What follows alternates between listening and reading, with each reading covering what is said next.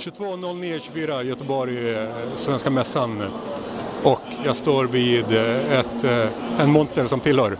ROKS, Riksorganisationen för kvinnojourer och tjejjourer i Sverige. Och du som representerar organisationen heter? Jenny Westerstrand och jag är ordförande för ROKS. Mm.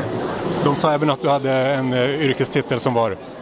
Eh, ja, vad kan det vara? Djur, vad heter det? Jag, har, jag är forskare, jag har disputerat i eh, folkrätt, juridik. Mm. Så att eh, det är väl min titel, jurisk doktor då i så fall. Nej, det är min akademiska titel. Men jag, jag kommer från forskarbanan. Du är jurist? Ja, precis. Ja. precis. Och det var med an relaterat till det så jag undrar om ni, man kan säga att ni, man kan inte kanske säga att ni generellt är för hårdare straff? Nej, det är vi faktiskt inte. Vi är för att man ska tillämpa de eh, lagar och regler som finns. Eh, och vi är till och med lite kritiska mot en del straffskärpningar som pågår. För vi tycker att det har blivit en sorts fokus på höga straff som om det skulle hjälpa. Men eh, vi, vi menar att det är bättre att använda lagar och alltså, vad ska jag säga, Fäll fler eh, brottslingar till ansvar eh, istället för få till jättelånga straff. För att vi tror ju att blir det väldigt höga straff då kommer ju domstolar att tveka och fälla.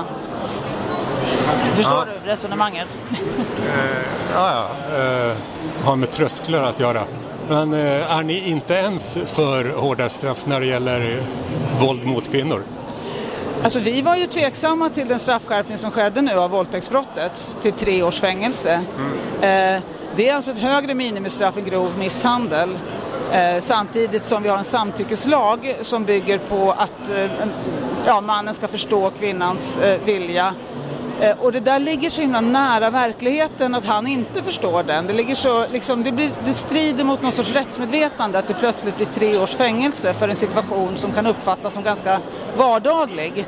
Mm. Eh, och vi tycker att... Men vänta, ni, ni är inte heller för samtyckeslagen? Vi tycker att samtyckeslagen har problem. Eh, den eh, kan man kalla en sorts efterfestlag. Vi tycker och tror att den är bra för tjejer som träffar killar som de inte är ihop med när tjejen är jättefull och sådana situationer där det som har varit där en tjej blir utnyttjad av killar och de säger att hon var med på det. Men om du har levt med en kille eller man som är våldsam så är det här med samtycke ett ganska eh, hopplöst begrepp därför att kvinnor kan samtycka till väldigt mycket som de sam ändå ja, i, de, ja, I de situationerna hjälper det inte särskilt mycket. Men kan man säga att ni är lite, lite av avvikare inom den feministiska rörelsen?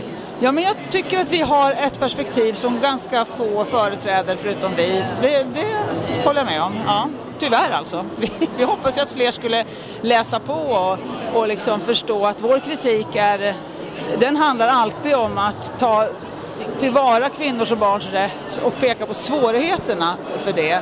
Men det får man inte ta några enkla steg eller börja dra på med bara straff eller peka ut vissa gärningsmän eller vissa män som särskilda Alltså gå på bara särskilda grupper. Vi ser att problemet är brett och man behöver en bred och kunnig lösning. Mm. Ja. Eh, ni, ni, kanske inte tycker så mycket i när det, när det gäller beskattning, kanske inte har så många, ni som organisation kanske inte har så många åsikter när det gäller till exempel beskattning. Nej, alltså det gör vi ju inte, men det är klart, vi är ju skattefinansierade som många andra organisationer inom vårt område och vi tycker ju att det är viktigt att vi har en stat som har ett levande samhälle, en folkrörelse som kan få bidrag.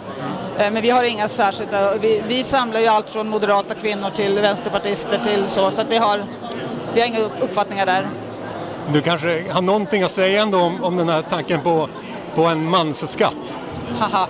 Ja men som pedagogiskt grepp så är det väl intressant att peka på att eh, det kostar väldigt mycket med det här våldet. Och att mäns våldsamhet... Ja, alltså inte, bara, inte bara det, alltså jag menar att eh, man eh, har en helhetssyn på det och eh, man kan ju konstatera att män står för en extremt stor andel av kostnaderna för rättssystemet och då lägger man helt enkelt på en eh, extra skattesats för alla män.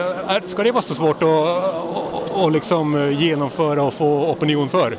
Ja, men det tror jag är svårt och det är precis som att... Eh, alltså, varför är det så svårt? Nej, men det kommer bara skapa liksom stor ilska och ingen kommer gå med på det. Det är ingen idé att driva sånt som absolut ingen vill.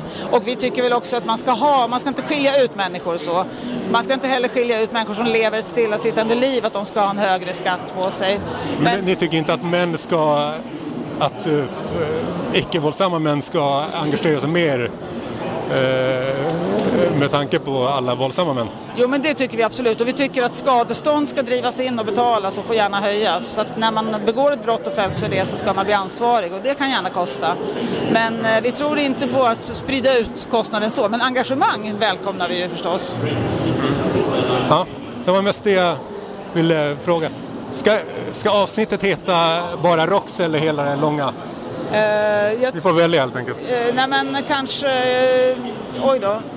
Folk kanske inte vet vad ROX är. Ni, ni får väl... Ja, vi kör ROX, kör ja, det.